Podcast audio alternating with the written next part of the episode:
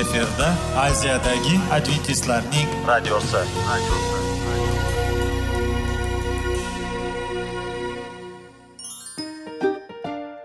assalomu alaykum aziz radio tinglovchilar sog'liq daqiqasi rubrikasiga xush kelibsiz.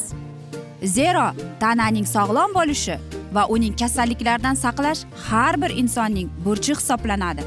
Inson uchun bebaho boylik bu sog'liq salomatlikdir. Uni asrash esa har birimizga omonat qilib berilgan. Shuning uchun ham inson o'z sog'lig'ini ehtiyot qilishi va ajib amallardan hisoblanadi. Dono xalqimiz sog'liq tuman boylik deb bejiz aytmagan. Aql idroq sohibi bo'lgan inson o'z hayotini qadrlashi lozim bo'ladi. Hozirgi kunda qanchalik dori darmonlar ko'paymasin tibbiy muassa sifati shifokorlar vasiyasi tibbiy texnika yaxshilanmasin. Agar insonning o'z salomatligi haqida qayg'urmasa kutilgan natijaga erishib bo'lmaydi va biz sizlarga bizning dasturimizga xush kelibsiz deymiz.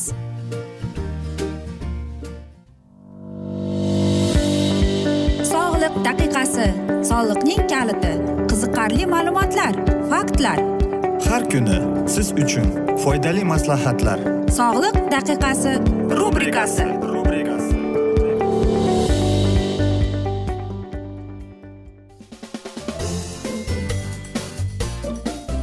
assalomu alaykum aziz radio tinglovchilar. Dasturimizga xush kelibsiz va biz sizlar bilan besh daqiqa sog'liq uchun deb atalgan dasturimizda xushvaqt bo'ling deb aytamiz. Va dasturimizni boshlashdan avval sizlarga aytib o'tmoqchi edikki agar dasturimiz davomida sizlarda savollar tug'iladigan bo'lsa bizga whatsapp orqali murojaat etsangiz bo'ladi. Bizning whatsapp raqamimiz plyus bir uch yuz bir yetti yuz oltmish oltmish yetmish aziz do'stlar. Bugungi bizning dasturimizning mavzusi bu immunitet sistemasi deb ataladi.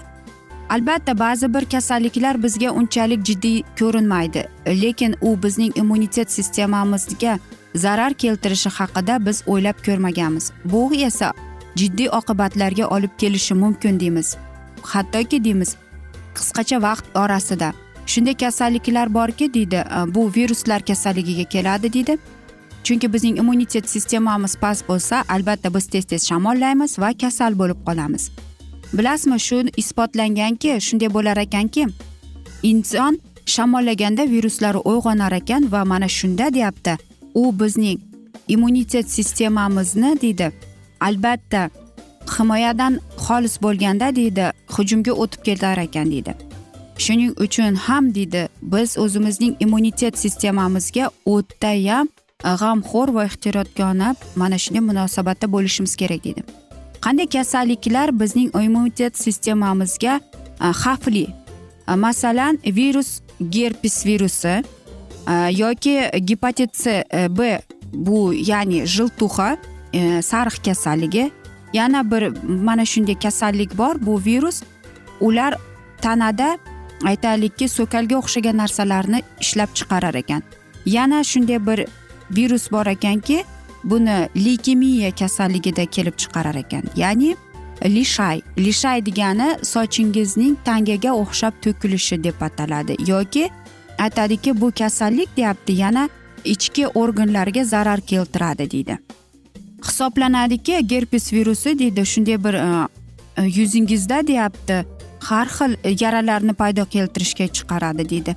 Yana bu virus deydi ayollarda deydi saraton kasalligining ya'ni jinsiy tomonlama organlarining olib kelishi mumkin deydi.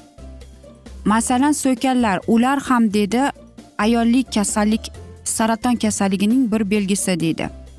Bunday ayollar qanday ayollar kasal bo'ladi deb savol berganimizda ko'proq e, jinsiy e, o'zining partnyorini almashtiruvchi ayollar deydi. Yoki jinsiy aloqa jinsiy hayot bilan erta boshlovchi ayollar deydi.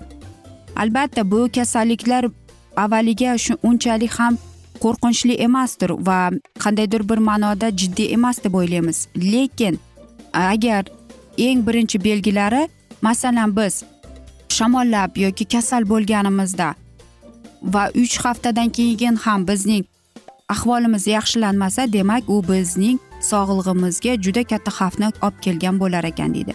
Shuning uchun ham agar siz o'zingizni immunitet sistemangizni kuchliroq qilaman desangiz demak to'g'ri ovqatlanishingiz kerak. Va albatta siz aytasizki qanday qilib men buni qilishim kerak qanday qilib men e, immunitet sistemamni e, mustahkamlashim mumkin deb aytishingiz mumkin aziz do'stlar.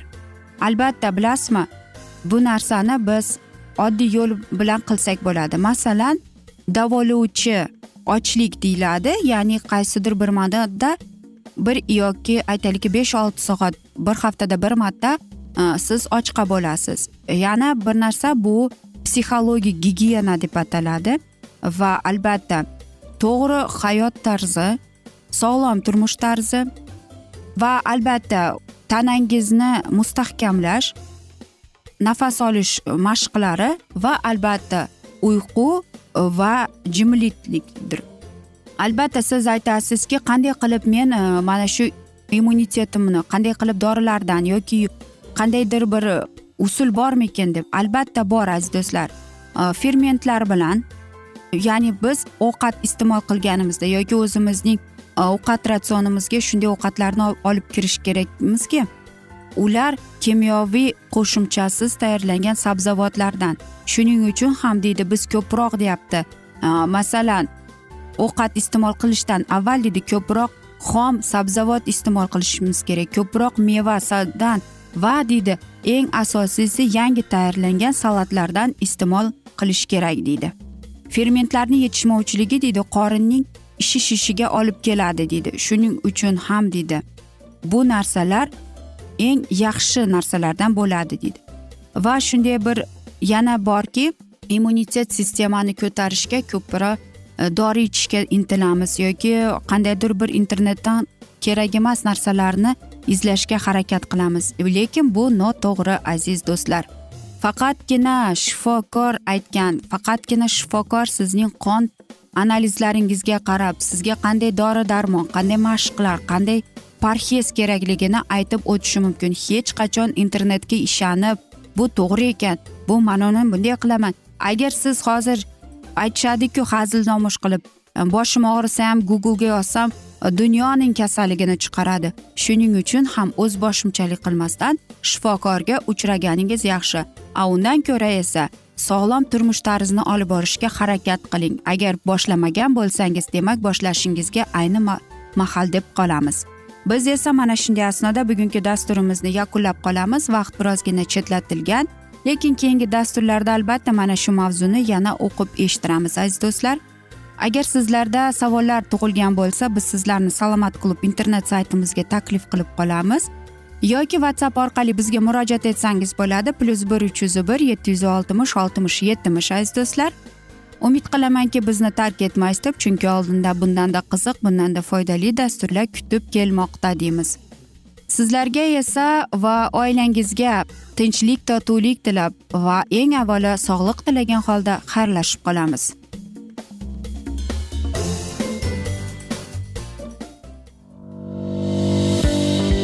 Sog'liq daqiqasi soliqning kaliti qiziqarli ma'lumotlar faktlar. Har kuni siz uchun foydali maslahatlar. Sog'liq daqiqasi rubrikasi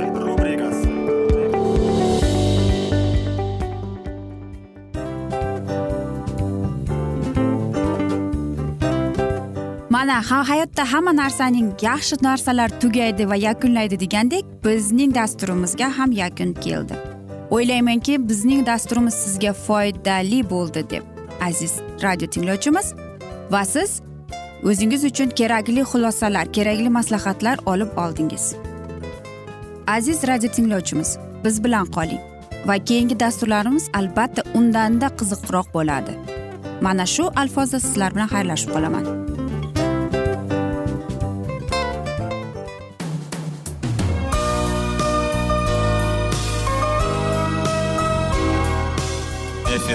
Aziyadagi adventistlarning radiosi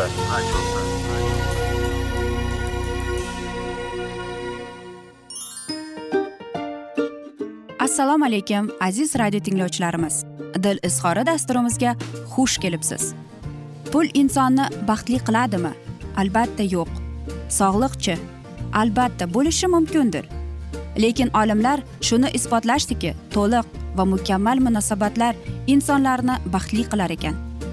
Albatta biz hayot davomida biz yaqin insonlar bilan odamlar bilan aloqada bo'lamiz va ular bilan munosabatlarimiz qanday kechadi qanday tuziladi?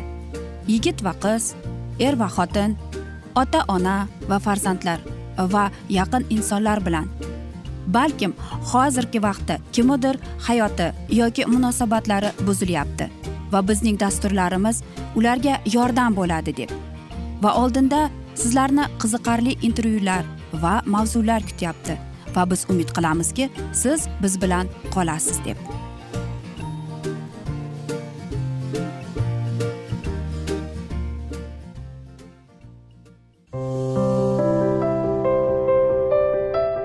Har kuni har xil kasbdagi odamlar bilan sirlashish va bo'lishish sevgi rashq munosabat.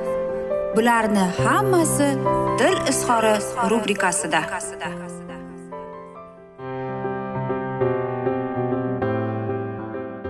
Assalomu alaykum aziz radio tinglovchilar. Dasturimizga xush kelibsiz va biz sizlar bilan ajoyib sevgi deb nomlangan dasturimizda xushvaqt bo'ling deb aytamiz.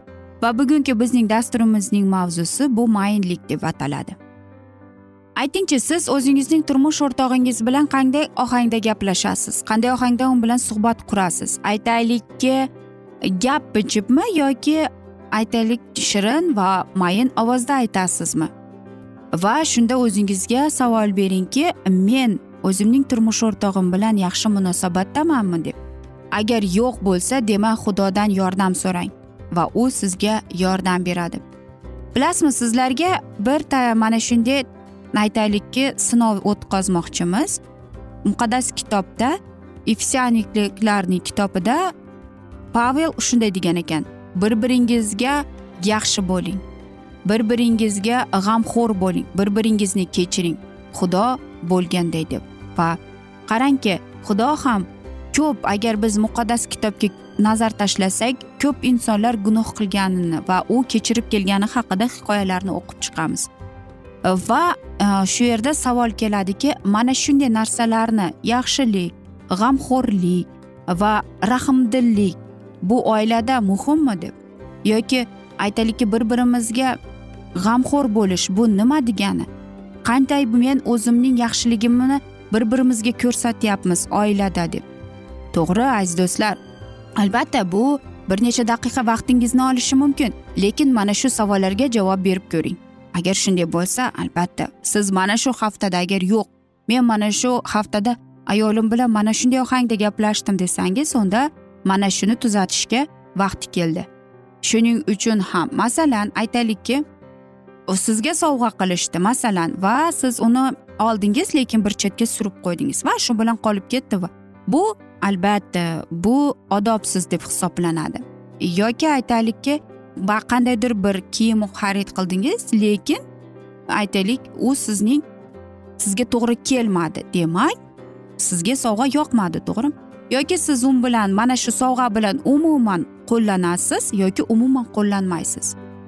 Va bu yerda eng asosiy prinsip borki siz bu sovg'ani qaytib berishingiz albatta. Bilasizmi?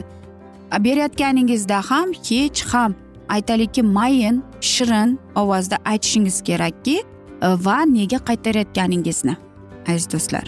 Ana shundagina bu e, narsada biz g'amxo'rlikni bildiramiz. Biz mana shunda rahmdillikni bildiramiz.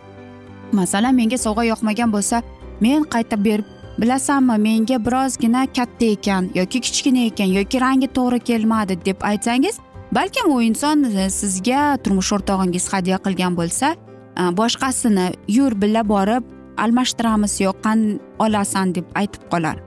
Shuning uchun ham aziz do'stlar bilasizmi bu yerda bir biringizga oxirgi marta qachon yaxshi bo'lgansiz qachon siz bir biringizga odob bilan munosabatda bo'lgansiz? Eng muhimi hozir bu yerda mana shu savol bo'lyapti. E, chunki aynan mana shu g'amxo'rlik mana shu rahmdillik oilada ham bo'lishi kerak deyman. Chunki biz nafaqat boshqa ko'chadagi odamlar bilan ishchilarimiz bilan yoki aytaylikki ishimizda bo'lgan insonlar bilan munosabatda balki oilada bu narsa eng muhim rolni o'ynab qo'yadi va bu narsa kerakli narsa deb aytamiz. Chunki aynan aytaylikki biz doimo qahr g'azab achchiqlanish asabiylashish bilan gaplashsak bu oila emas deb hisoblanadi.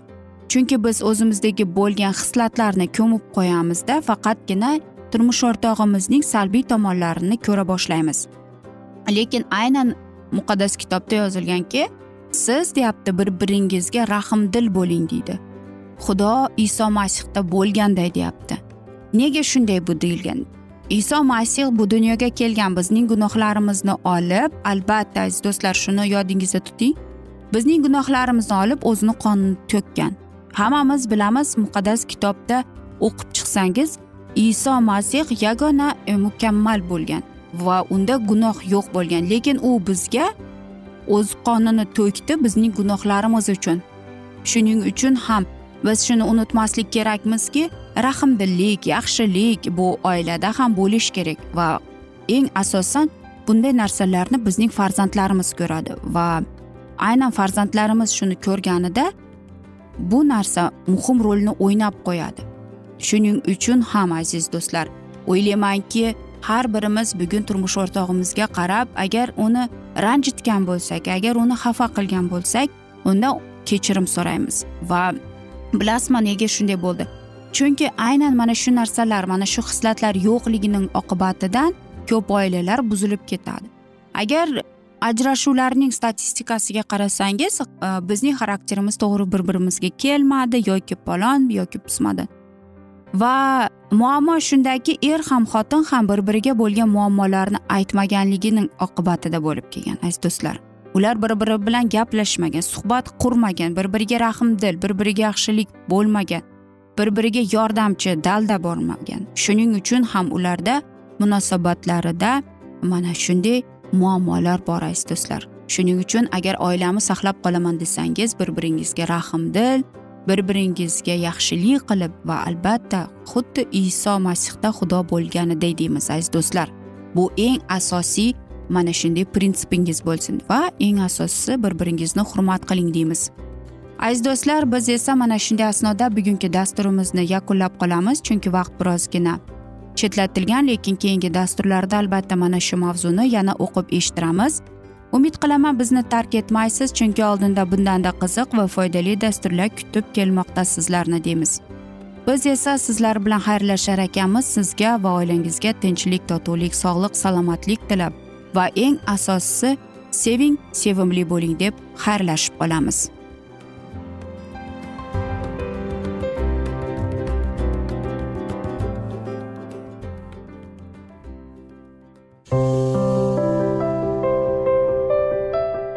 Har kuni har xil kasbdagi odamlar bilan sirlashish va bo'lishish sevgi rashq munosabat bularni hammasi dil izhori rubrikasida.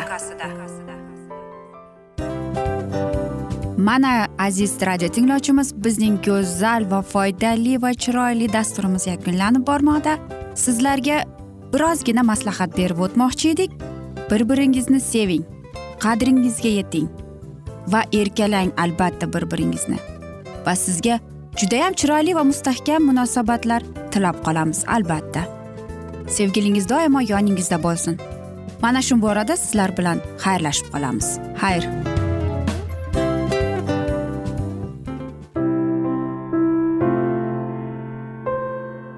Hayotning noni. Qiziqtirgan savollar va javoblar. Buning hammasi ko'ngil uchun oziqa rubrikasida.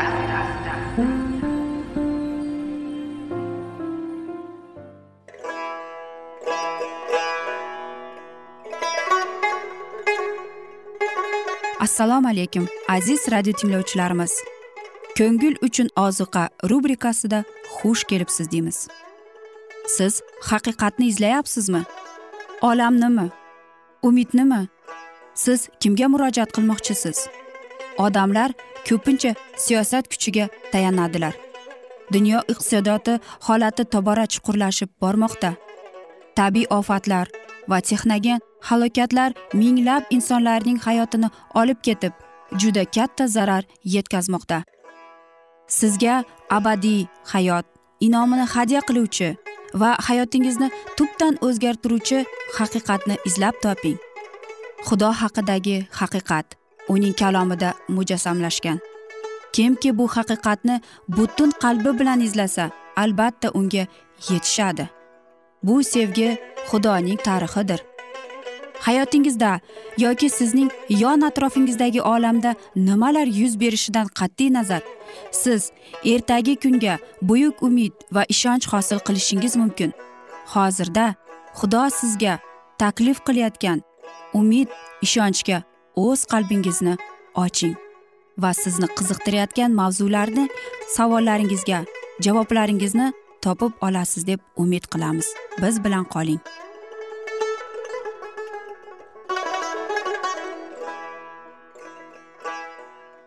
Assalomu alaykum aziz radio tinglovchilar. Dasturimizga xush kelibsiz va biz sizlar bilan ulug' otalar va payg'ambarlar deb nomlangan dasturimizda xushvaqt bo'ling deb aytamiz. Va bugungi bizning dasturimizning mavzusi dovudning gunohi va tavba qilishi deb ataladi va biz sizlar bilan o'tgan galgi dasturimizning mavzusini yana davom ettiramiz. Gunohlarimdan yuzingni o'girgin barcha yomonliklarimdan kechib yuborgin. Ey xudo menda pok yurakni yaratgin. Ichimda yangi sobit ruhni bunyod etgin. Meni o'zingdan uzoqlashtirib tashlama. O'z muqaddas ruhingni mendan olma. Najoting ila meni qayta quvontirgin. Irodali ruh ila meni mustahkamlagin. Qonunbuzarlarga sening yo'llaringni o'rgataman. Gunohkorlar senga qaytib kelsinlar. Gunoh qonimdan o'tavergin ey xudoyim najotkorim sening adolatingni tarannum etsin tilim. Zabur kitobining elliginchi bob uchinchi oyatidan o'n oltinchi oyatigacha o'qib chiqsangiz bo'ladi. Shunday qilib ushbu muqaddas sanoda qaysiki uning xalqi yig'ilishida unga tobe bo'lganliklarining ruhoniy va hakamlar amir va askarlari huzurida ijro etilishiga lozim bo'lib butun kelgusi avlodlarga isroil podshohining gunoh qilib qo'llaganini to'g'risida bayon etilishi kerak edi. Ushbu sanoda dovud batafsil darajada o'z gunohi tavba qilishi va xudoning mehribon kechirimiga umid bog'lab kuyladi. U o'z aybini sir saqlashga tirishmadi aksincha uning mayusona tarixi boshqalarni ham ko'p narsalarga o'rgatishini u xohlar edi. Dovudning nadomat chekishi chin ko'ngildan va chuqur bo'ldi. U o'z jinoyatini oqlash uchun hech bir harakat qilmadi. Unga tahdid qiladigan jazodan qochib qutulish uni ibodatga zo'rlamas edi. Xudoga qarshi qilgan gunohining vahshiyligini u ko'rib turardi. O'z jonining pastkashligini ko'rib u qilgan gunohidan nafratlanardi u kechirim so'rabgina qo'ymay ammo qalbining soddaligini orzu qilib uning poklanishini iltimos qilardi. Mayuslikka tushganida dovud o'zini yo'qotmadi va taslim bo'lmadi. Tavba qilgan gunohlarga aytilgan ilohiy nazrlarda xudo uni kechirib qabul qilishiga u isbotlar ko'rar edi. Sen qurbonlikni xohlamassan aks holda uni so'yib keltirar edim. Kuydirilgan bag'ishlovdan ham rozi bo'lmassan. Xudoga ma'qul bo'ladigan qurbonlik buzilgan ko'ngildir. Buzilgan ezilgan ko'ngilni sen xorlamassan ey xudo deb. Muqaddas kitobining zabur kitobida elliginchi bob e, o'n sakkizinchi o'n to'qqizinchi she'rida shunday yozilgan. Dovud yiqilsada xudovand uni ko'tardi. Endi qo'llashi oldidan bo'lgan muomalasiga nisbatan u xudo bilan va o'z yaqinlari bilan mahkamroq bog'landi. Najot topishining xursandligida u kuylardi. Sening oldingga gunohimga iqror bo'ldim. Yashirmadim hech bir aybimni. Yoziqlarimni bo'ynimga olaman dedim senga ey xudovand. Sen esa gunohimni aybimni kechirding. Sendan mening panohim tangringdan o'zing xalos etarsan. Ozodlik quvonchlari ila meni quvmib tashlarsan deb. Muqaddas kitobining zabur kitobi o'ttiz birinchi bob beshinchi yettinchi oyatlarida o'qib chiqsangiz bo'ladi. Xudo dovudni ayagani uchun ko'plar uni adolatsiz deb sanashadi. Ular dovudning aybini shunchalik katta ammo tark etilgan shoulning gunohi shu qadar og'ir emas edi deyishadi. Lekin shuni e'tiborga olish kerakki dovud kamtar bo'lib o'z gunohiga iqror bo'ldi. Shoul esa fosh qilishni tark etdi va nadomat chekmay o'z qalbini shafqatsizlantirdi. Dovud hayotidan olingan ushbu voqea tavbaga kelgan gunohkor buyuk uchun buyuk ma'noga to'la. Bu eng yorqin suratlardan biridir. U bizlarga odam taqdiriga tushadigan kurash va vasvasalarni xudo oldida haqiqiy tavba qilishni va bizning xudovandimiz iso masihga bo'lgan iymonimizni ko'rsatardi. Butun davrlarga ushbu namuna gunoh qilib o'z aybi og'irligida horib tolganlar uchun dalillantiradigan manbadir. Gunoh qilib mushkul ahvolga tushgan minglab xudoning farzandlari dovudning haqiqiy tavba qilinishi va e'tiroz etishi xudo qabul qilganini eslaganlarida uning o'z qonunsizligiga jazo olganiga qaramay bedorlikka ega bo'lishardi va tavba qilib yana xudo amrlargan yo'l bilan yurishga intiladilar. Dovudning tajribasida bo'lganiday har kim xudo uni fosh qilganida o'z gunohiga iqror bo'lib va tavba qilib jonini xokisoronlikka keltirsa umidi borliginagina amin bo'la olardi. Samimiyat bilan e'tirof etgan jonni xudovand hech qachon qoldirib qo'ymaydi. U va'da berib balki mening yordamimga muhtoj bo'lib mening bilan sulh tuzsin deydi.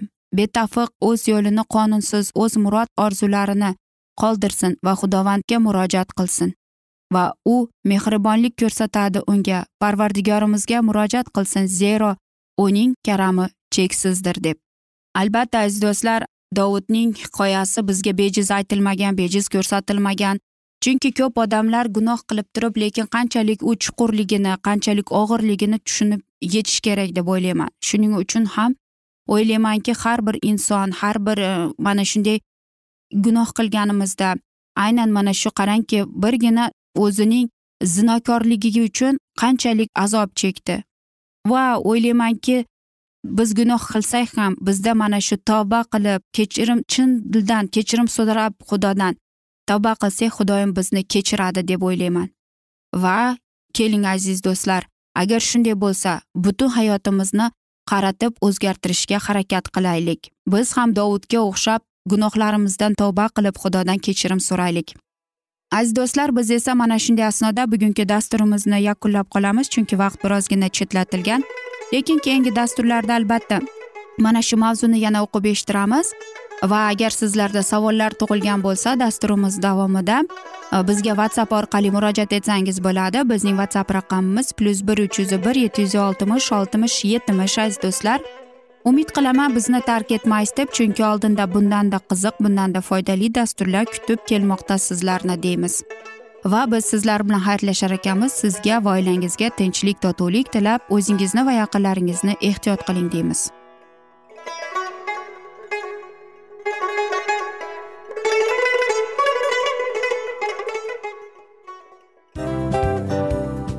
Narsaning yakuni bo'ladi degandek afsuski bizning ham dasturlarimiz yakunlanib qolyapti. Va biz o'ylaymizki bizning dasturimizdan o'zingiz uchun kerakli va foydali maslahatlar olib oldingiz. Sog'liq borasida sizga foydali maslahat berganmiz deb umid qilaman albatta. Va sizlarga mana shu borada sog'liq tilab qolaman. Munosabatlarga kelganda esa sizlarga sevgi omad va albatta yaxshi munosabatlar tilab qolamiz. Uchinchisiga kelganda esa bu juda chuqur va e'tiborli nazarni qumsaydi. Va sizlarga mana shu yaxshilik kayfiyatda sizni kayfiyatingizni ko'targan holda sizlar bilan xayrlashib qolaman afsuski. Ammo lekin keyingi dasturlarimiz undanda qiziq bo'ladi. Va siz biz bilan bo'ling bizni tanlaganingiz uchun sizlarga rahmat. Omad sizlarga xayr.